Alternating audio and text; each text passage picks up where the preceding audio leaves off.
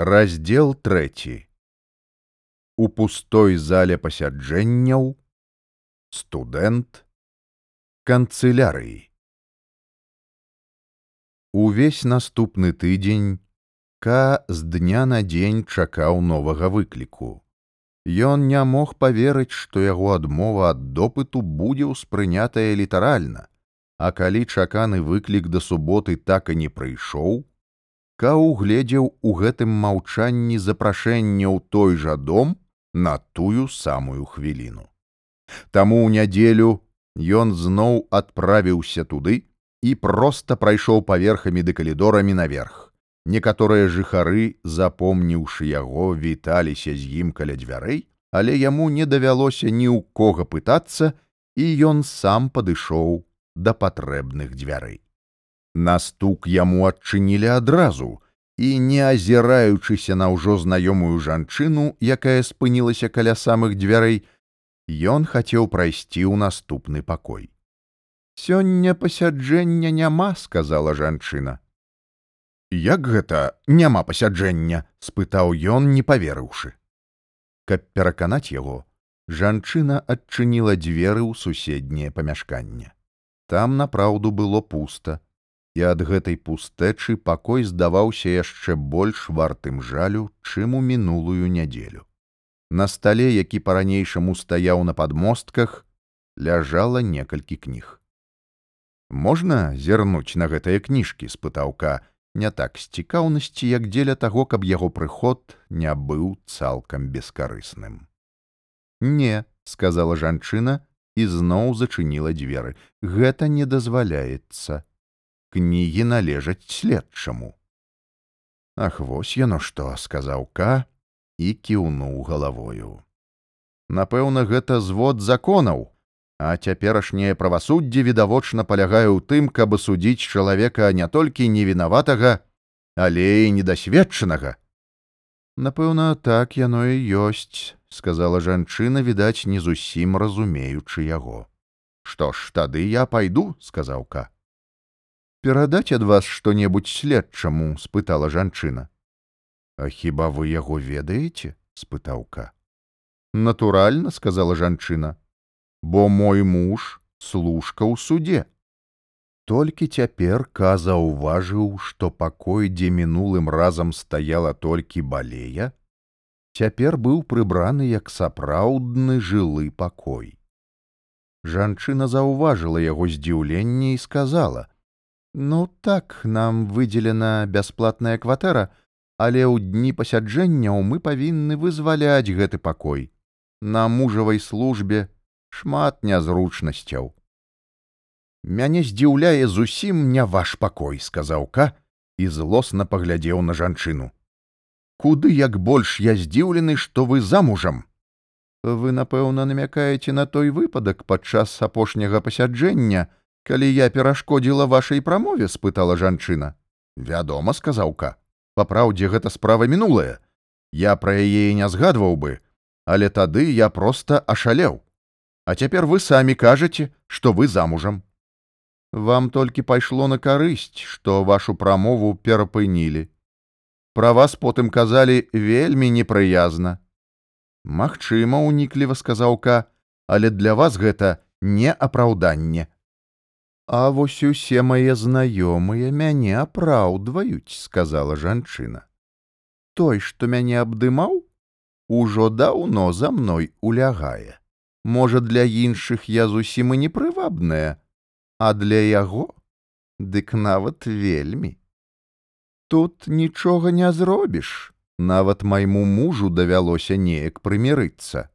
Калі ён хоча захаваць месца, то мусіць гэта трываць бо той чалавек студэнт і, напэўна, даможацца высокіх чыноў. Ён пастаянна да мяне заляцаецца. Вось жа сышоў толькі што перад самым вашым прыходам. Усё адно да аднаго сказаў ка. Мяне гэта ані не здзіўляе.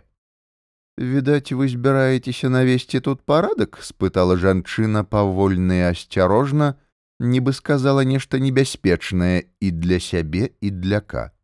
Я так і здагадалася з вашай размовы. Мне асабіста яна вельмі спадабалася. Што праўда, я не ўсё чула, пачатак прапусціла, а пад канец ляжала са студэнтам на падлозе. Ах, тут так брыдка, помаўчаўшы, выгукнула яна і схапіла каза руку. А вы верыце, што ў вас атрымаецца наладзіць новыя парадкі?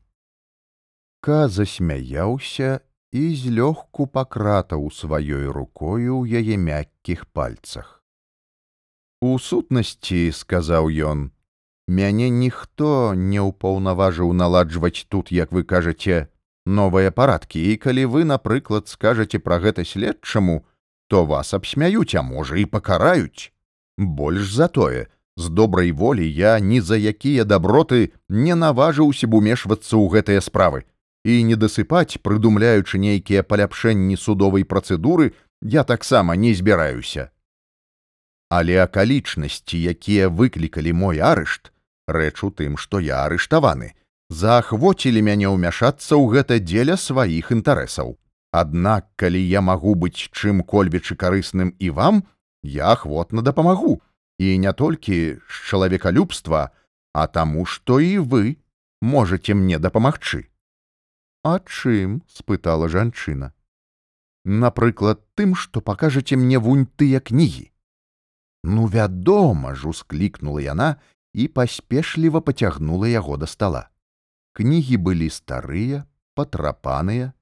На адной пераплёт быў пераламаны і абедзве палавінкі трымаліся на нітатцы. Як тут усюды брудна, сказаў ка, паківаўшы галавою, і жанчыне давялося змахнуць пыл хвартухом хоць бы з самага верху, перш чым ка мог узяцца за кнігу. Ён адгарнуў тую, што ляжала зверху і ўбачыў непрыстойную выяву. Мужчына і жанчына сядзелі абсалютна голыя на канапе, і хоць непрыстойная задума мастака лёгка праглядалася, яго няўменне было нагэтулькі відавочным, што, уласна кажучы, нічога, акрамя фігур мужчыны і жанчыны, відаць не было. Яны груба мулялі вочы сядзелі ненатуральна проста і ў выніку няправільна выбранай перспектывы нават не маглі б павярнуцца адно да аднаго. Ка не стаў гартаць далей гэтую кнігу і адгарнуў тытульны ліст у іншай. Гэта быў раман пад назвай «Якія пакуты цярпела Грэта ад свайго мужа ганса. Дык вось якія юрыдычныя кнігі тут вывучаюць, сказаў ка. І гэтыя людзі збіраюцца мяне судзіць. Я вам дапамагу, сказала жанчына. Ці вы згодны? Але хіба вы і напраўду можаце мне дапамагчы, не падстаўляючы сябе небяспецы. Вы ж самі сказалі, што ваш муж цалкам залежыць ад свайго начальства. І ўсё ж я вам дапамагу, сказала жанчына. Хадземце сюды трэба ўсё абмеркаваць. А пра тое што мне пагражае небяспека казаць не варта. Я толькі тады пужаюся небяспекі калі лічу патрэбным. Хадземце сюды яна показала на падмосткі і попрасіла яго сесці побач з сабой на прыступкі у вас цудоўныя цёмныя вочы прамовіла яна калі яны селі і зазірнула каў твар. Кажуць, у мяне таксама вочы прыгожыя, але вашы куды прыгажэйшыя.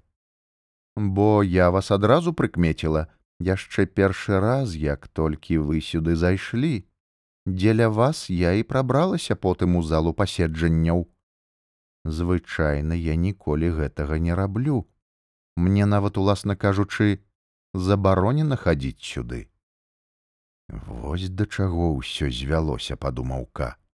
Яна проста прапануе мне сябе, сапсаваная дарэшты, як і ўсе тут. Ёй надакучылі судовыя чыноўнікі, што цалкам зразумела, вось яна і сустракае любога кампліментамі наконт яго вачэй. І камоўчкі ўстаў, нібыта ўжо выказаў гэтыя думкі ў голас і патлумачыў жанчыне свае паводзіны. Не думаю, каб вы маглі мне дапамагчы, сказаў ён. Для сапраўднай дапамогі трэба мець сувязі з вышэйшымі чынамі, а вы, напэўна, знаёмыя з дробнымі служкамі іх тут шмат ходзіць. Іх вы, напэўна, добра ведаеце і можаце шмат чаго ў іх дамагчыся, у гэтым я не сумняюся. Але нават калі б яны зрабілі ўсё, што ў іх змозе, ніякага ўплыву на вынік майго працэсу гэта мець не можа. Ад вас жа прытым могуць адступіцца некаторыя сябры, гэтага я не хачу. Так што вам не варта псаваць стасункі з гэтымі людзьмі, Мне здаецца, яны вам яшчэ спатрэбяцца. Кажу не без шкадавання, бо ў адказ на вашыя кампліменты магу сказаць, што і вы мне падабаецеся, асабліва цяпер, калі пазіраеце на мяне такімі сумнымі вачыма, хоць ніякіх падстаў сумаваць у вас няма. Вы завіхаецеся сярод людзей, з якімі я павінен змагацца, і з імі адчуваеце сябе выдатна, вы нават закаханая ў студэнта, а калі і не, то ў кожным разе аддаяце перавагу яму перад мужам. З вашых слоў гэта выразна відаць. Не, крыкнула яна, і, не ўстаючы, схапіла каза руку, якую ён не паспеў адвесці. Вам сыходзіць нельга. Няўжо вы можете проста ўзяць і сысці. Няўжо я гэткая мала чаго вартая, што вы дзеля мяне не можете хоць ненадоўга застацца. Вы мяне не зразумелі, сказаў Кай зноў сеў. Калі вам сапраўды хочацца, каб я застаўся, я, вядома, застануся. Часу ў мяне шмат, бо я прыйшоў сюды, мяркуючы, што сёння тут будзе судовае пасяджэнне. Я толькі выказаў просьбу нічога не прадпрымаць у дачыненні да майго працэсу. І вы ніяк не павінны крыўдаваць. Зразумейце, што мне зусім абыякава, чым скончыцца гэты працэс, і з іх прысуду я буду толькі смяяцца. Усё гэта вядома толькі ў тым выпадку, калі працэс наогул адбудзецца, у чым я моцна сумняюся.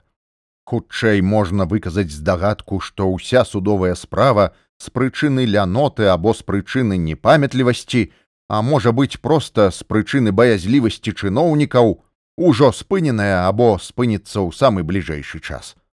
Зразумела, цалкам магчыма, што яны будуць працягваць гэты працэс, каб рабіць выгляд, спадзяючыся на ладны хабар, але запэўніваю вас загадзя, што ўсе іх спадзяванні марныя. Я нікому хабараў не даю.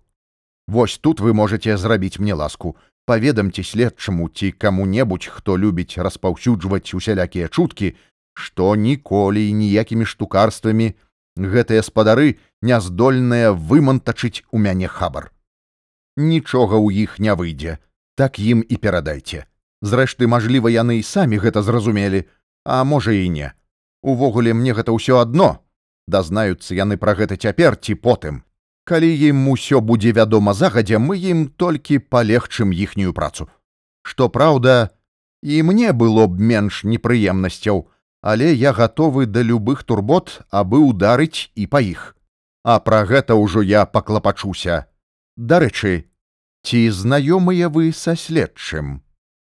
Ну, вядома, усклікнула жанчына. Я пра яго і падумала, калі прапаноўвала вам дапамогу. Я ж не ведала, што ён адно толькі службовец ніжэйшага рангу, але калі вы гэтак кажаце, значыць, так яно і ёсць. І ўсё ж я думаю, што даклады, якія ён дасылае наверх, маюць нейкі ўплыў. А ён іх столькі піша. Вось вы сказалі, што ўсе чыноўнікі гультаі. Не, не ўсе, асабліва гэты следчы. Ён усё піша і піша.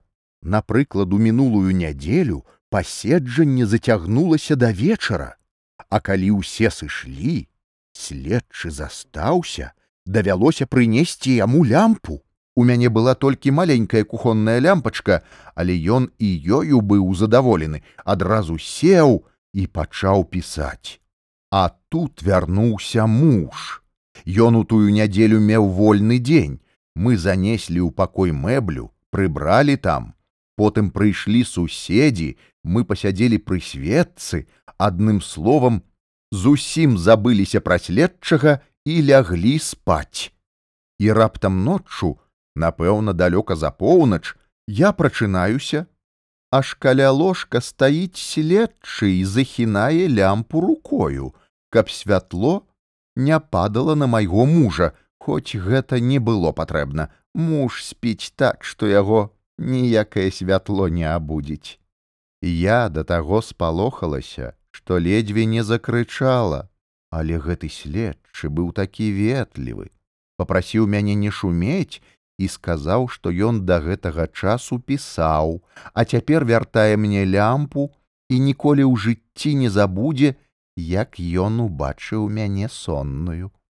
Я вам толькі хачу гэтым сказаць, што следчы сапраўды піша даклады і галоўным чынам пра вас. Відаць, у тую нядзелю самым асноўным пытаннем на пасяджэнні была ваша справа а такія доўгія даклады абавязкова павінны мець нейкае значэнне. Акрамя таго, з гэтага выпадку зразумела, што следчаму я падабаюся і што менавіта цяпер па першым часе, а ён толькі нядаўна звярнуў на мяне ўвагу, я магу сур'ёзна на яго паўплываць. Я маю таксама і іншыя доказы, што ён мною цікавіцца. Учора праз студэнта ён з ім працуе і вельмі яму давярае. Ён прыслаў мне ў падарунак пару шаўковых панчох, нібыта за тое, што я прыбіраю ў зале пасяджэнняў, але вядома, гэта толькі падстава. Праца гэта мой абавязак і мужу за гэта плаціць. А панчохі выдатныя, вось зірніце. Яна выцягнула ногі, падняўшы спадніцу вышэй за каленей, сама паглядзела на панчохі. Напраўду, панчохі прыгожыя, але занадта ўжо тонкія. Мне яны не падыходзяць. Раптам яна спынілася, паклала руку на руку к, нібы хацела яго супакоіць, і шапнула: « Цішэй. Бертальд за намі сочыць. Ка павольна ўзняў вочы. У дзвярах залы пасяджэнняў стаяў малады чалавек. Ён быў невысокі, з крываватымі нагамі і, відавочна, дзеля большай важнасці адпусціў кароткую і рэдзенькую рудую бародку, якую няспынна церабіў пальцамі. Ка паглядзеў на яго з цікаўнасцю, Гэта быў першы студэнт невядомых яму юрыдычных навук, якога ён сустракаў, так бы мовіць, у прыватным жыцці, які, мажліва, пасля дабярэцца да высокіх пасадаў. Студэнт жа, наадварот, аніякай увагі на кане звярнуў. Ён толькі на хвіліну выцягнуў палец з барады, паклікаў да сабе жанчыну і адышоў да акенца а жанчына нахілілася да кай шапнула: « Не злуйцеся на мяне, малю і не думайце пра мяне кепска, але цяпер я павінна ісці да яго, да гэтага брыдкага чалавека. Вы толькі зірніце на яго крывыя ногі. Я зараз вярнуся і ўжо тады пайду з вами, калі вы мяне возьмеце з сабою, пайду куды хочаце. Рабіце са мной што хочаце. Я буду шчаслівая абы сысці адсюль надоўга а яшчэ лепш назаўсёды. Яна пагладзіла капа руцэ ускочыла і пабегла да акенца каміж волі хацеў быў схапіць яе за руку але ўхапіў пустэчу у гэтай жанчыне для яго было нешта па-сапраўднаму спакуслівае, і ён не знаходзіў ніякіх падстаў супраціўляцца гэтай спакуслівасці. Мільганула думка, што яна падасланая судом, каб падлавіць яго, але ён тут жа адкінуў гэты сумнеў. Якім чынам яна магла яго падлавіць, Бо ён жа пакуль што зусім вольны. Ён мог ператварыць у нішто ўвесь іхні працэс, прынамсі ў тым, што датычыла яго справы. Няўжо ён нават у такой драбязе не верыць у сябе. Але яе голас гучаў шчыра, калі яна прапаноўвала яму дапамогу. Хто ведае, раптам яна акажацца яму карыснаю, а можа і няма лепшае помсты следчаму і ўсёй яго зграі, акрамя як адабраць у іх гэтую жанчыну і заваяваць яе прыхільнасць. Тады можа здарыцца следчы пасля карпатлівай працы над складаннем непраўдзівых звестак прака, прыйдзе позна ўначы і ўбачыць, што ложак гэтай жанчыны пусты. І пусты стае прычыны, што жанчына будзе належаць ка што гэтая жанчына каля акна гэта пышнае гнуткае цёплае цела ў цёмнай сукенцы з грубай тканіны будзе належаць яму аднаму адкінуўшы такім чынам усе сумневы наконт гэтай жанчыны ка пачаў ціхенька грукаць па падмостках спачатку костачкамі пальцаў потым усім кулаком нагэтулькі яму надакучыла ціхае перашэптванне каля акна. Студэнт мімаходзь цераз плячо жанчыны зірнуў нака, але ніякай увагі на яго не звярнуў. Наадварот, ён яшчэ мацней прыціснуўся да жанчыны і абняў яе. Яна нізка нахіліла галаву, нібы прыслухоўваючыся да ягоных словаў. Ён звонка цмокнуў яе ў нахіленую шыю і зноў няспынна нешта гаварыў. Ка убачыў, што жанчына казала праўду, скардзячыся, што студэнт мае над ёй нейкую ўладу. І устаўшы з крэсла пачаў хадзіць сюды туды ў пакоі. Касавурачыся на студэнта ён разважаў, як бы выпандзіць яго адсюль хутчэй і нават узрадаваўся, калі студэнт, якому відавочна перашкаджала гучная хада к, якая пераходзіла ўжо ў нецярплівы тупат, раптам заўважыў: « Калі вам гэта карціць, можаце сыходзіць. Вы даўно маглі б сысці, ніхто бы не заўважыў вашыя адсутнасці. Вось вось вам трэба было сысці, як толькі я прыйшоў і сысці адразу неадкладна. У гэтых словах чулася не толькі стрыманая злосць, у іх выразна адчувалася пыха будучага чыноўніка ў дачыненні да непрыемнага яму абвінавачанага. Ка падышоў да яго зусім блізка і з усмешкаю сказаў: « Ваша праўда, мне карціць але маё карценне прасцей за ўсё суцішыць тым, што вы нас пакінеце. Аднак, калі вы прыйшлі сюды займацца, я чуў, што вы студэнт, то я ахвотна саступлю вам месца і пайду адсюль з гэтай жанчынай. Зрэшты, вам яшчэ нямала трэба будзе падвучыцца, перш чым стаць суддзёй. Што праўда, ваше судаводства мне зусім незнаёмае, але мяркую, што аднымі нахабнымі прамовамі, якія вы ведзяце з такою бессаромнасцю, яно не абмяжоўваецца. Дарэмна яму было дазволена заставацца на волі, сказаў студэнт, нібы хацеў растлумачыць жанчыне крыўдныя словыка. Гэта бясспрэчная памылка.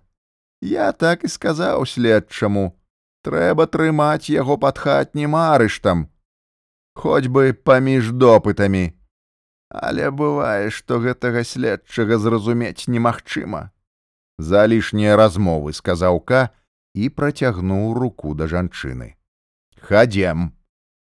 Ах, вось яно што, сказаў студэнт. Не-не, вам яе не займець. З нечаканаю сілаю ён падхапіў яе на руки, і, сагнуўшыся, пабег да дзвярэй, пяшчотна пазіраючы на яе. Гледзячы па ўсім ён і пабойваўся ка, і ўсё ж не мог утрымацца, каб з яго не пакпіць, дзеля чаго наўмысна гладзіў і сціскаў свабоднай рукою плячо жанчыны. Ка прабег за ім некалькі крокаў, хацеў яго схапіць, ён гатовы быў прыдушыць яго, але тут жанчына сказала: « Нічога тут не зробіш. Яго па мяне прыслаў следчы, Мне з вами ісці ніяк нельга гэты малы нягоднік. Тут яна правяла рукой па твары студэнта. Гэты малы нягоднік мяне не адпусціць. Але ж вы не хочаце вызваліцца, крыкнуў ка, апусціў руку на плячо студэнта, які хацеў укусіць яе. Не, крыкнула жанчына і абедзвюма рукамі адштурхнула ка. Не, не, толькі не гэта. Вы з глузду з'ехалі, вы мяне знішчыце. Пакіньце яго, малю вас, пакіньце ж яго. Ён толькі выконвае загад следчага, Ён нясе мяне да яго. Ну і хай валіць адсюль. Я вас таксама бачыць не жадаю, усклікнуў ка і расчараваны злы з усіх сіл штурхнуў студэнта ў спіну. Той спатыкнуўся, але ўзрадаваўшыся, што ўтрымаўся на нагах, яшчэ вышэй падскочыў на месцы і пабег прэч са сваёй ношай. Ка павольна пайшоў за імі. Ён зразумеў, што гэтыя людзі ўчынілі яму першую безумоўную паразу. Вядома, прычын для асаблівага клопату тут не было паразу ён пацярпеў праз тое, што сам шукаў сутыкнення з імі. Калі б ён сядзеў дома і меў звычайны лад жыцця, ён быў бы ў тысячу разоў вышэйшы ад гэтых людзей і мог бы любога з іх прыбраць адным штуршком. І ён уявіў сабе надзвычай смешную сцэну, якая магла б адбыцца, калі б гэты варты жалю студэнцік, гэты самаздаволены хлапчук, гэты клышаногі барадач! раптам укленчыў перад ложкам эльзы і склаўшы руки маліў яе злітавацца над ім. Ка прыйшоў у такое захапленне ад гэтай уяўнай сцэны што тут жа вырашыў пры зручным выпадку ўзяць студэнта з сабою ў госці да эльзы. Дзеля цікаўнасці ка ўсё ж таки падбег да дзвярэй Яму хацелася зірнуць, куды панеслі жанчыну. Не будзеш студэнт цягнуць яе на руках па вуліцы. Высветлілася, што ім давялося ісці зусім не так далёка. Адразу насупраць кватэры былі вузкія драўляныя сходы, якія, напэўна, вялі на гарышча. Вышэй яны рабілі паварот, таму не было відаць, куды яны вялі па гэтых сходах студэнты павалок жанчыну. Ужо зусім павольна і сапучы. Яго відавочна натаміла ўся гэтая беганіна. Жанчына памахала ка рукою і паціскаючы плячыма намагалася даць яму зразумець што яе скралі насуперак ейнай волі. Зрэшты асаблівага шкадавання яе міміка не выказвала. Ка паглядзеў на яе абыякова як на незнаёмую. Яму не хацелася выдаць сваё расчараванне, але не хацелася паказаць, што ён усё так лёгка ўспрыняў. Абое ўжо зніклі, а Ка ўсё яшчэ стаяў у дзвярах. Ён павінен быў прызнацца, што жанчына не толькі ашукала яго, але і схлусіла, нібыта яе нясуць да следчага не будзеш следчы сядзець на гарышчы і чакаць яе. А на драўляныя сходы колькі не глядзі, усё адно нічога не даведаешся. І раптам ка заўважыў маленькую паперку каля ўваходу, падышоў да яе і прачытаў запіску надрапаную няўмелым дзіцячым почыркам уваходу судовую канцылярыю. Значыць, тут на гарышчы жылога дома размяшчаецца канцылярыя суда асаблівай павагі гэткае памяшканне выклікаць не магло і любому абвінавачанаму было б суцяшэннем бачыць якімі мізэрнымі сродкамі валодае гэты суд калі яму даводзіцца абсталёўваць сваю канцылярыю ў такім месцы куды жыхары усякая галота і басота выкідваюць непатрэбны гломаст. Пэўна ж, не выключалася і тое, што грошай адпускалі дастаткова, але чыноўнікі тут жа іх раскрадалі, замест каб ужыць паводле прызначэння.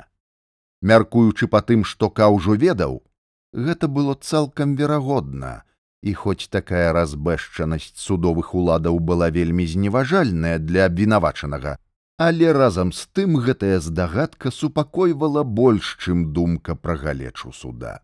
Цяпер самому ка стала зразумелым, чаму абвінавачанага пры першым допыце пасароміліся запрасіць на гарышча і аддалі перавагу таму, каб напасці на яго ў ягонай жа кватэры. Наколькі становішчака было лягчэйшым за становішча следчага, той сядзеў на гарышчы, у той час як самка займаў сябе ў банку прасторны кабінет з прыёмнай і мог з цікавасцю назіраць за ажыўленай гарадской плошчай праз велічэзнае акно. Што праўда у ка не было ніякіх пабочных прыбыткаў. Хабараў ён не браў грошай не ўтойваў і ўжо вядома не мог распарадзіцца каб служка узяўшы жанчыну ў ахапак прынёс яе да яго ў кабінет. Зрэшты ка прынамсі ў гэтых варунках быў гатовы ахвотна адмовіцца ад гэткага кшталту забаў Усё яшчэ стоячы перад вывешанай цыдулкай, Ка убачыў, што па сходах падняўся нейкі чалавек, зазірнуў у адчыненыя дзверы пакоя, агледзеў адтуль з залу пасяджэнняў і ўрэшце спытаў ука, ці ён тут не бачыў жанчыны. Вы судовы служка, калі не памыляюся, спытаў ка. Ага, адказаў той, А вы, значыць, абвінавачаны ка. Цяпер я таксама вас пазнаю, рады вас бачыць. І ён працягнуў руку ка, чаго той абсалютна не чакаў. Але ж сёння пасяджэнняў няма, сказаў служка, калі ка прамаўчаў. Ведаю, сказаў ка і паглядзеў на служка ў цывільны піджак. Адзіную прыкметай яго службовага становішча, былі дзве пазалочаныя, відавочна адпоратыя ад старога афіцэрскага шыняля гузікі, якія віднеліся сярод звычайных гузікаў. Толькі цяпер я размаўляў з вашай жонкай. Яе ўжо тут няма. Студэнт панёс яе да следчага. Вось бачыце, сказаў служка, вечна яе ад мяне некуды выносяць. Сёння нядзеля, працаваць я не абавязаны, а мне раптам даюць зусім непатрэбныя даручэнні, абы адаслаць адсюль прэч. Гэтым разам, аднак адаслалі недалёка, ну, думаю, паспяшаюся і дасць Бог вярнуся своечасова. Бягу, што сілы, адчыняю дзверы установы, куды мяне паслалі, выкрыкваю тое, што мне загадалі сказаць, задыхаюся так, што мяне, напэўна, з цяжкасцю разумеюць, бягу назад. Але гэты студэнт, напэўна, спяшаўся болей, чым я. Што праўда, яму яно бліжэй, толькі сысці з гарышча сходамі. Калі б я не быў чалавекам паднявольным, я гэтага студэнта даўно раздушыў бы з задавальненнем гакнуўшы аб сцяну. Вось тут, побач з цыдулкаю, толькі пра гэта і мару. Ага, вось тут крыху вышэй ад падлогі, бачу, як ён вісіць, ушчант раздушаны, руки раскінутыя, пальцы растапыраныя, крывыя ножкі абаранкам, а навокал усё запырскана крывёю. Але пакуль што пра гэта можна толькі марыць. А хіба іншага выйсця няма з усмешкай спытаўка. Я не бачу ніякага, адказаў служка. І галоўнае з кожным днём усё горш, Да гэтага часу ён цягаў яе толькі да сябе, а цяпер пацягнуў да самога следчага. Зрэшты гэтага я даўным-даўно чакаў. А хіба ваша жонка не сама вінаватая спытаў ка з цяжкасцю стрымліваючыся. Апроч таго ён усё яшчэ моцна раўнаваў яе а як жа сказаў служка. Яна больш за ўсіх і вінаватая. Сама вешалася яму на шыю. Ён вядома за ўсімі кабетамі улягае у адным толькі нашым доме яго выставілі ўжо з пяці кватэр, куды ён быў убіўся. А моя жонка самая прыгожая жанчына ва ўсім доме, але якраз мне і няможна абараняцца. Што ж, калі справа выглядае гэтак, значыць, дапамагчы нічым нельга, сказаў ка. Не, чаму ж, сказаў служка трэба было б гэтага студэнта гэтага баязліўца. Адлупцаваць як мае быць каб назаўжды адбіць ахвоту лезці да маёй жонкі. Але мне самому ніяк не можна а іншыя мне тут не падмога. Занадта яны баяцца яго ўлады толькі такі чалавек як вы мог бы гэта зрабіць? А чаму ж менавіта я здзівіўся ка бо вы абвінавачваны сказаў служка. Гэта праўда сказаў ка але ў мяне тым больш падстаў баяцца што ён можа паўплываць калі не на сам вынік судовага працэсу, то ў кожным разе на папярэдняе следства. Вядома, вядома, адказаў служка, як быццам меркаванніка не супярэчыла яго думцы. Але ж тут у нас зазвычай безнадзейных працэсаў не вядуць. Папраўдзе, я думаю іначай сказаўка але гэта мне не перашкодзіць як-небудзь заняцца вашым студэнтам. Я быў бы вам вельмі ўдзячны сказаў служка крыху афіцыйна. Здавалася ён не верыць у здзейсненне свайго рыхаванага жадання. Але я дапускаю працягвука што некаторыя вашы чыноўнікі а мажліва і ўсе заслугоўваюць таго самага Пэўна, пэўна, пагадзіўся служка, нібы гаворка ішла пра нешта само сабой зразумелае. Тут ён кінуў нака даверлівы погляд, чаго раней, нягледзячы на ўсю сваю ветлівасць не рабіў, і дадаў: « Вось жа, увесь час усе бунтуюць. Але яму відавочна стала крыху непамысна ад гэтых гутарак, бо ён адразу памяняў тэму і сказаў: « Цяпер мне трэба з'явіцца ў канцылярыю, ці не хацелі б вы пайсці са мною. Мне там рабіць няма чаго, сказаў ка. Можаце паглядзець на канцылярыю. На вас ніхто не зверне ўвагі. А ці варта глядзець? спытаў ка нерашуча. Яму па праўдзе, вельмі карцела пайсці туды. Як сказаць, адказаў служка, я падумаў, можа, вам будзе цікава? Добра, сказаў нарэшціка, я пайду з вами. І ён хутка спусціўся сходамі паперадзе служкі. У самых дзвярах канцылярыі ён ледзьве не ўпаў. За парогам была яшчэ адна прыступка з наведнікамі тут не надта і лічацца сказаў ён. Тут ні з кім не лічацца сказаў служка. Вы толькі зірніце на прыёмную. Перад імі быў доўгі праход адкуль абы як збітыя дзверы вялі ў розныя памяшканні гарышча. Хоць непасрэднага доступу святла ніадкуль не было змрок усё ж такі не здаваўся непранікальным.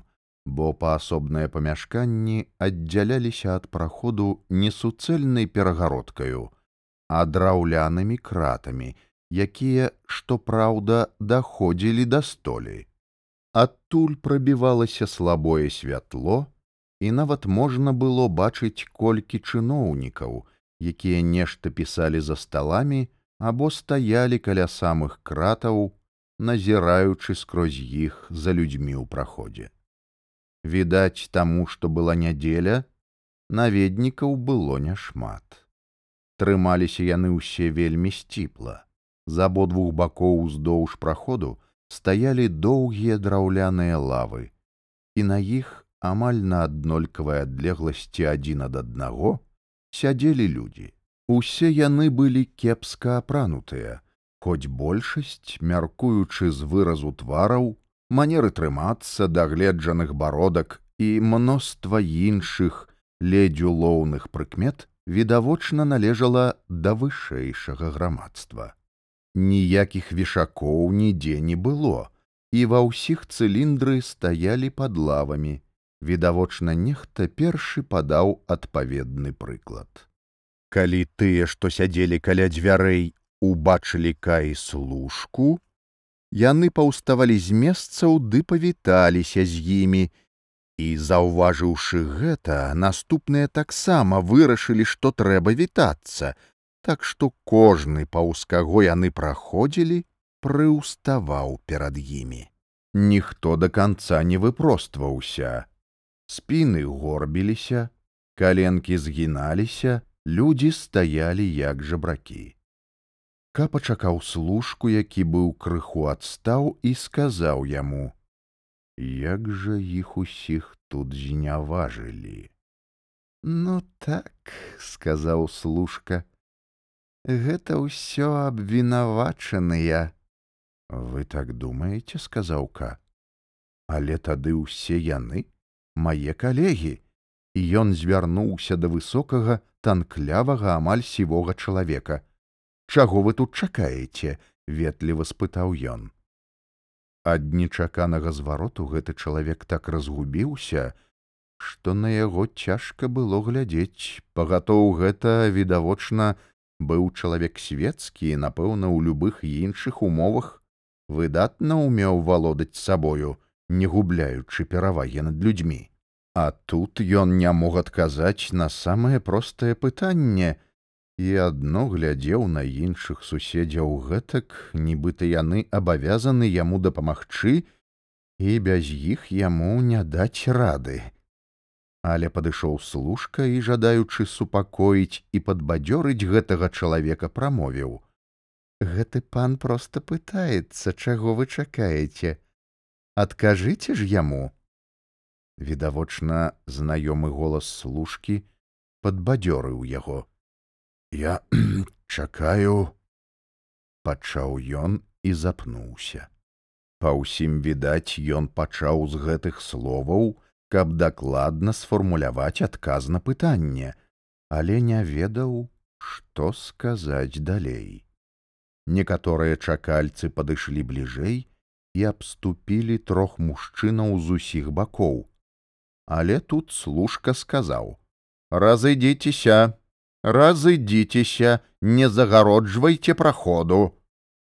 Яны крыху адышліся, аднак на ранейшыя месцы не селі. Тым часам той, каму задалі пытанне, сабраўся з думкамі і адказаў нават злёгку усміхаючыся. Месяц таму я сабраў сякія такія сведчанні ў сваю карысці, цяпер чакаю рашэння.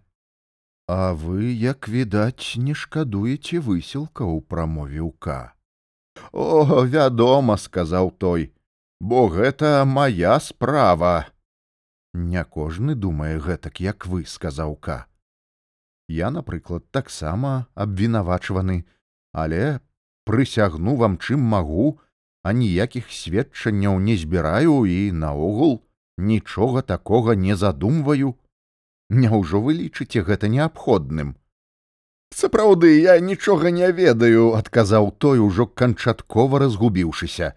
Ён відавочна вырашыў, што казь яго пакеплівае, і яму, напэўна, больш за ўсё хацелася даслоўна паўтарыць тое, што ён ужо сказаў, але сустрэўшы нецярплівы погляд ка, ён толькі прамовіў: « Што да мяне, то я падаў сабраныя даведкі. Здаецца, вы не верыце, што я таксама абвінавачаны, спытаў ка. Што вы, вядома, веру, сказаў той і адступіўся ў бок, але ў яго адказе прагучала не вера, а толькі страх. Значыць, вы мне не верыце, паўтарыў ка і падсвядома ўражаны прыніжаным выглядам гэтага чалавека узяў яго за рукаў, нібы хацеў прымусіць паверыць. Ён зусім не збіраўся зрабіць чалавеку балюча, ды і дакрануўся да яго ледзь-ледзь, але той раптам закрычаў, нібы ка ўзяў яго за рукаў не двума пальцамі, а схапіў распаленымі абцугамі. Гэты недарычны крык канчаткова вывеў каза раўнавагі. Калі яму не вераць, што ён таксама абвінавачаны, тым лепш, а раптам яго прымаюць за суддзю. І ўжо моцна сілаю схапіўшы таго за плячо, Ён штурхнуў яго на лаўку і пайшоў далей. Усе гэтыя абвінавачаныя такія датклівыя, сказаў служка. За іх спінамі амаль усе, хто там чакаў, абступілі таго чалавека. Крычаць ён перастаў, і цяпер відавочна усе яго падрабязна распытвалі, што адбылося. Насустрачка ішоў вартавы. Яго можна было адрозніць галоўным чынам па шаблі, у якой похвы, мяркуючы з колеру, былі зробленыя з алюмінію. Ка здзівіўся гэтаму і нават памацаў похвы рукою. Вартавы, відаць, прыйшоў, пачуўшы гаману і спытаў, што тут адбылося. Служка паспрабаваў неяк супакоіць яго, але вартавы заявіў, што павінен сам усё спраўдзіць, адсалютаваў і пайшоў далей нейкімі таропкімі дробнымі крокамі. Відаць, ён быў хворы на падагру. Ка перастаў ужо зважаць і на яго і на наведнікаў, якія сядзелі ў праходзе, бо прайшоўшы палову калідора, заўважыў, што праз пройму дзвярэй можна павярнуць направа. Ён запытаў служкі, ці правільна ён ідзе, той кіўнуў на знак згоды і ка прайшоў у гэтым кірунку. Яму было непрыемна ўвесь час ісці на два-тры крокі паперадзе служкі. Менавіта тут у гэтым будынку некаму магло падацца, што вядуць арыштаванага. Ён раз пораз чакаў служку, але той адразу зноў і зноў адставаў. Нарасцяка, жадаючы пераадолець гэтую непрыемную сітуацыю, сказаў: « Ну, вось я і паглядзеў, як яно тут усё ёсць. Цяпер я сыходжу. Не, вы яшчэ не ўсё бачылі, абыякова сказаў яму служка. А я і не хачу ўсё бачыць, сказаў ка, па-сапраўднаму адчуваючы стомленасць. Я хачу сысці. Дзе тут выхад?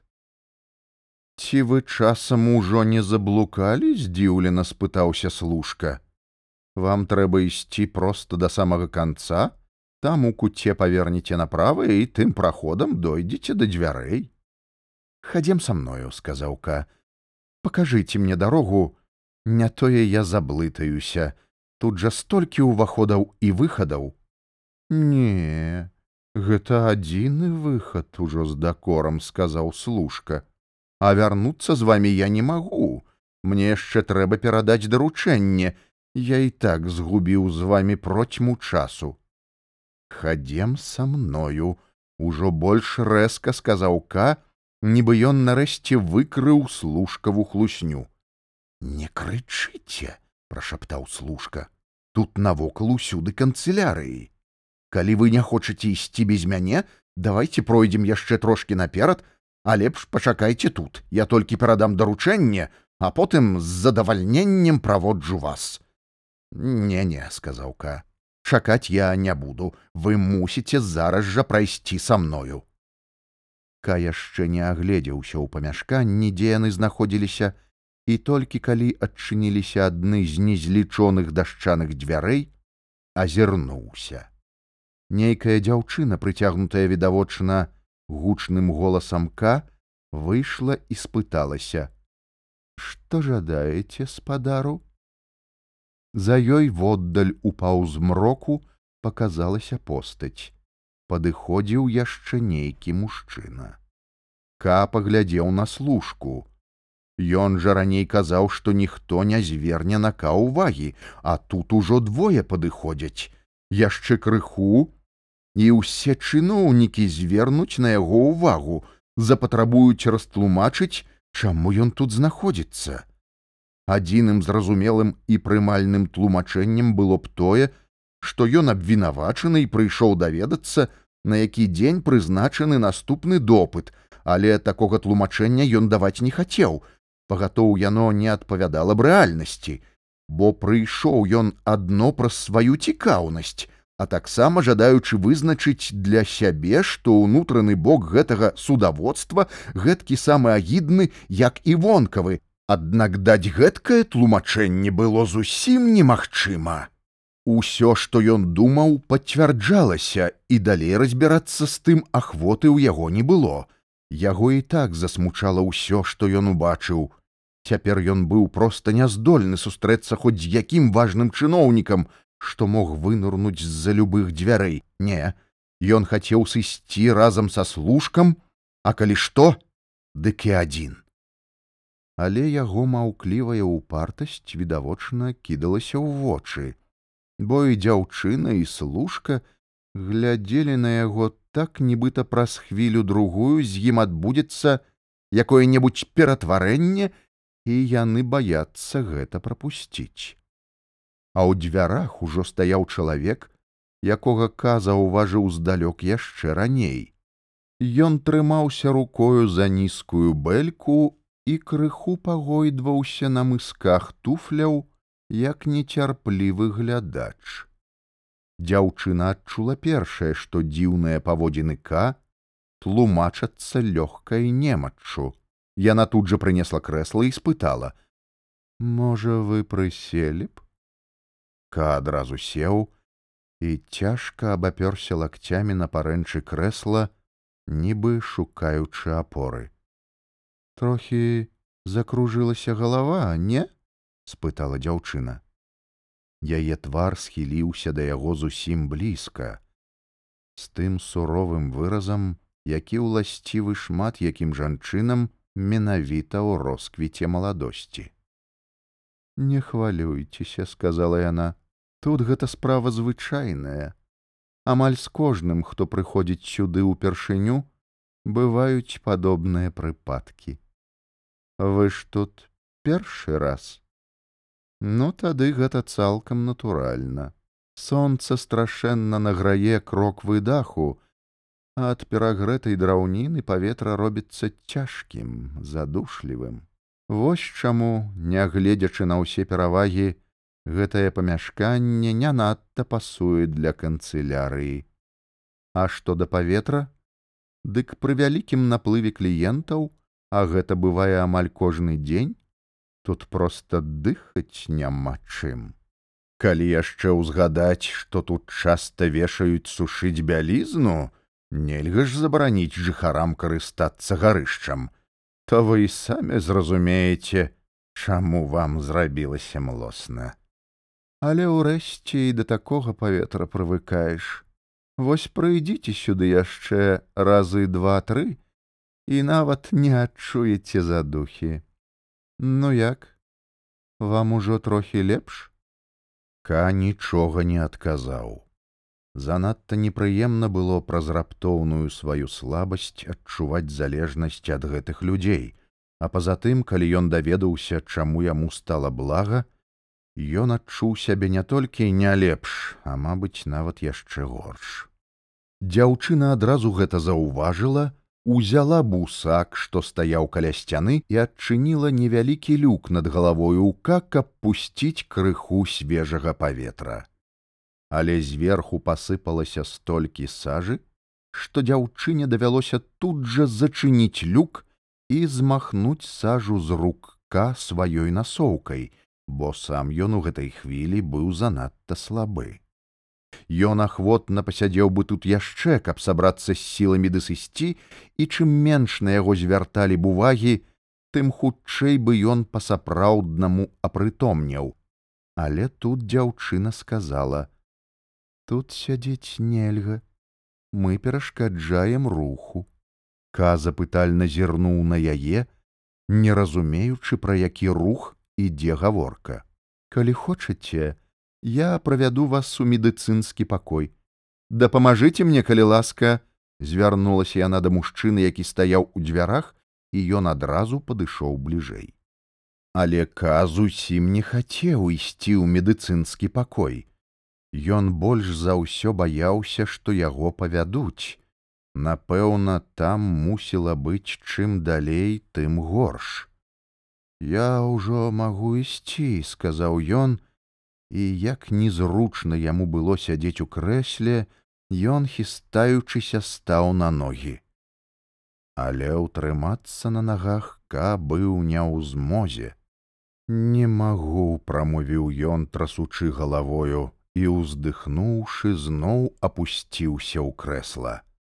Ён успомніў судовага служку, які, нягледзячы ні на што, мог бы дапамагчы яму выйсці адсюль, але той відаць даўно сышоў ён зазірнуў прасвет паміж мужчынам і дзяўчынай але служкі не ўбачыў я лічу сказаў мужчына апрануты вельмі элегантна асабліва кідалася ў вочы шэрая камізэлька якая ўнізе мела два вострыя канцы я лічу што нездароўе гэтага спадара выклікана тутэйшай атмасферай Таму будзе разумней за ўсё, ды і яму прыемней, калі мы павядзём яго не ў медыцынскі пакой, а проста выведзем з канцылярыі. Вось менавіта ўсклікнуў ка і ад радасці не даў таму дагаварыць. Вядома ж, мне стане адразу лепш, Ды я і не настолькі аслаб, мяне трэба толькі трохі падтрымаць пад пахі, Я вам не нараблю клопату, бо тут блізка. Давядзіце мяне да дзвярэй, я крышку пасяджу на прыступках і зусім ачомаюся. У мяне такіх прыпадкаў ніколі не бывала, дзіўлюся, як гэта выйшла. Бо я і сам службовец, прывык да канцылярскага паветра, але тут, як вы мелі ласку заўважыць, занадта ўжо душна. Будьце ласкавы, правядзіце мяне трохі у мяне галава кружыцца мне блага калі я стаю без падтрымкі і ён падняў плечы каб яго маглі падхапіць пад пахі але мужчына не паслухаў яго просьбы і не вымаючы рук з кішэняў гучна засмяяўся вось бачыце сказаў ён дзяўчыне гэтаму спадару не ўвогуле блага а блага толькі тут Дзяўчына таксама усміхнулася, але злёгку паляпала мужчыну па плячы кончыкамі пальцаў, нібыта ён дазволіў сабе занадта відавочную насмешку ска. Ды што вы сказаў той, не перастаючы смяяцца, Я ж сапраўды хачу дапамагчы яму выйсці. Вось і выдатна, сказала дзяўчына, нахіліўшы на імгненне сваю гожую галоўку. І калі ласка, не надавайце занадта вялікага значэння нашаму смеху звярнулася яна дака бачачы што той зноў спахмурнеў і ўтаропіўся перад сабою не цікавячыся аніякімі тлумачэннямі. Гэты спадар вы дазволіце вас прадставіць? Мужчына жэсам выказаў згоду. Гэты спадар інфарматар. Ён дае ўсім кліентам, хто чакае усю неабходную інфармацыю, а паколькі народ у нас не надта знаёмы з нашай судоваю працэдурай, то інфармацыі патрабуецца вельмі шмат. Ён можа адказаць на любое пытанне, вы як-небудзь выпрабуйце яго калі заўгодна, але гэта не адзіная яго перавага. другая перавага яго элегантны гарнітур мы гэта значыць усе службоўцы аднаго разу вырашылі што інфарматару які звычайна першы сустракаецца з кліентамі неабходна салідна апранацца дзеля таго каб адразу зрабіць добрае ўражанне. Мы астатнія як вы можете меркаваць апранутыя кепска і старамодна. Сэнсу няма марнаваць грошы на адзенне бо мы амаль увесь час праводзім у канцылярыі. Мы нават і спім тут. Але як я ўжо казала мы лічым неабходным каб спадар інфарматар быў добра апрануты. І паколькі ад нашага начальства настроенага ў гэтым пытанні дзіўнавата дамагчыся нічога нельга то мы правялі збор сродкаў у ім і кліенты ўдзельнічалі і купілі яму не толькі гэты выдатны гарнітур але і некалькі іншых здавалася б усё зроблена дзеля таго каб ён ствараў добрае ўражанне але сваім смехам ён усё псуе адпалохвае людзей праўда сказаў насмешліва спадар інфарматар я толькі не разумею паненка Чаму вы распавядаеце гэтаму спадару пра наш унутраны распарадак, да якога яму справы няма? Хіба вы не бачыце, што ён цяпер відавочна цалкам заняты сваімі ўласнымі справамі? Ка не адчуваў ніякага жадання пярэчыць дзяўчыне, бо намеры ў яе былі відавочна самыя добрыя. Напэўна, ёй хацелася крыху развесяліць яго ці даць яму магчымасць сабрацца з сіламі, але ёй гэта не ўдалося. Трэба ж мне было растлумачыць яму прычыну вашага смеху, сказала дзяўчына. Ён жа мог і пакрыўдзіцца. Напэўна, ён не такія крыўды гатовы дараваць, абы я вывеў яго адсюль. Ка зноў нічога не сказаў, нават не ўзняў вачэй. Ён не пярэчыў, каб гэтыя двое гаварылі пра яго, як пра неадушаўлёны прадмет. Яму гэта было нават больш прыемна. Але раптам рука мужчыны лягла на яго правую, а рука дзяўчыны на левую руку. Ну, уставайте ж, слабы вы чалавек, сказаў інфарматар. Я вам вельмі ўдзячны, сказаў Ка, узрадаваўшыся нечаканай дапамозе павольна падняўся і перасунуў гэтыя чужыя руки так, каб яны яго падтрымлівалі як належыць. Вам магло падацца, зашаптала дзяўчына на вухака, калі яны падыходзілі да калідора, быццам я імкнуся паказаць інфарматара ў залішне выгодным святле, але паверце, што я кажу праўду.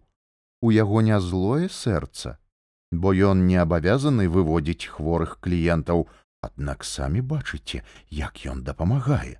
Можа, усе мы тут не такія ўжо злыя, можа, мы ахвотна дапамагалі б кожнаму, але ж мы ў судзе і нас лёгка прыняць за злых людзей, якія нікому не хочуць дапамагаць. Я дык праз гэта проста пакутаю. Ці не жадаеце тут прысесці? — спытаў інфарматар. Яны ўжо выйшлі ў калідор, і апынуліся якраз насупраць таго абвінавачанага, з якім ка размаўляў раней. Цяпер ка было крыху сорамна. Раней ён стаяў перад гэтым чалавекам так упэўнена, а цяпер двое павінны былі яго падтрымліваць. Загадчык круціў у руках яго капялюш, прычоска ў яго растрапалася, валасы звісалі на потны лоб. Але абвінавачаны як быццам нічога не заўважыў пакорліва стоячы перад інфарматарам.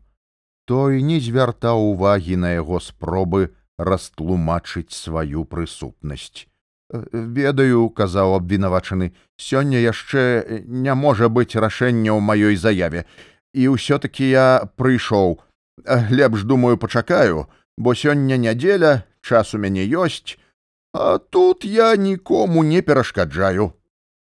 Ды вы не прасіце прабачэння, сказаў загадчык. Ваша дакладнасць вельмі пахвальная. Што праўда, вы без патрэбы займаеце месца, але пакуль вы не замінаеце мне, я не буду перашкаджаць вам асабіста сачыць за ходам вашай справы.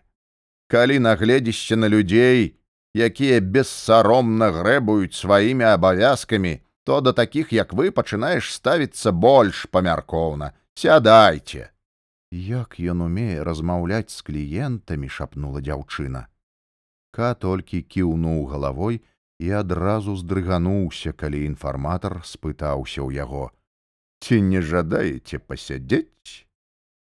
Не, сказаўка, у пярэдыху я патрэбы не маю. Ён імкнуўся сказаць гэта як мага больш рашуча, а па праўдзе яму вельмі карысна было б прысесці. Ён адчуваў нешта накшталт марской хваробы. Яму здавалася, што ён на караблі і хваляванне мора якраз самае моцнае. Здавалася, што хвалі б'юць аб драўляную ашалёўку, аднекуль з глыбіні калідора пачынаюць раўці ўспененыя валы, нібы падлога ў калідоры раптоўна рушыць упоперак ад сцяны да сцяны і наведнікі з абодвух бакоў то падымаюцца то опускаюцца тым больш незразумелым быў спакой дзяўчыны і мужчыны якія яго вялі гэтым калідорам ён быў цалкам аддадзены іх волі калі яны абое яго адпусцяць ён адразу ўпадзе як калода. Прыжмурыўшы вочы, яны абменьваліся хуткімі поглядамі. Ка адчуваў размеранасць іх хады, Ён не трапляў ёю такт, бо дзяўчына з мужчынам амаль што неслі яго. Урэшце ён пачуў, як яны да яго звяртаюцца, але нічога не зразумеў. Ён успрымаў толькі суцэльны шум, які запаўняў усё вакол, а скрозь гэты шум здавалася прабіваўся манатонны высокі гук, падобны да гуку сірэны. Гучней, прашаптаў ён, апусціўшы галаву. Яму было сорамна ад усведамлення таго, што яны кажуць досыць гучна, а ён іх не разумее. І тут нарэшце перад ім раптоўна расступіўся мур, насустрач павеяла паветрам і ён пачуў як побач сказалі то ён хоча сысці а то яму сто разоў паўтараеш што тут выхад а ён з месца не рухаецца ка убачыў што стаіць перад дзвярыма якія дзяўчына расчыніла насцеж Ён адчуў, што сілы раптоўна вярнуліся да яго, і каб цалкам вярнуць сабе адчуванне свабоды, Ён адразу выйшаў на сходы і ўжо адтуль пачаў развітвацца са сваімі праваднікамі, якія нахіліліся да яго. Вялікі дзякуй, паўтараў ён, раз за разам паціскаючы працягнутыя руки і адпусціў іх толькі заўважыўшы, што яны абое, звыклыя да канцылярскага паветра, кепска пераносілі параўнальна свежае паветра клеткі сходаў. Яны ледзьве адказвалі, і дзяўчына напэўна нават павалілася б калі б ка з неверагоднай паспешлівасцю не зачыніў дзверы ка пастаяў хвіліну потым з дапамогаю кішэннага люстэрка прывёў у парадак валасы падняў капялюш што ляжаў на прыступцы вышэй відаць яго туды кінуў інфарматар і збег сходамі гэтак бадзёра гэткімі вялікімі скачкамі, што яму з прычыны такой хуткай перамены нават стала непамысна. Ніколі яго моцны і ўвогуле здаровы арганізм не ствараў яму такіх нечаканасцяў. Няўжо яго цела ўзбунтавалася і ў ім адбываецца іншы жыццёвы працэс, не той ранейшы, што праходзіў з гэткаю лёгкасцю не адмаўляючыся ад думкі звярнуцца як-небудзь да лекара, ён адно вырашыў цвёрда, і ў гэтым пытанні ён у чужых парадах не меў патрэбы. У будучыні імкнуцца выкарыстоўваць нядзельныя раніцы лепш, чым гэта было сёння.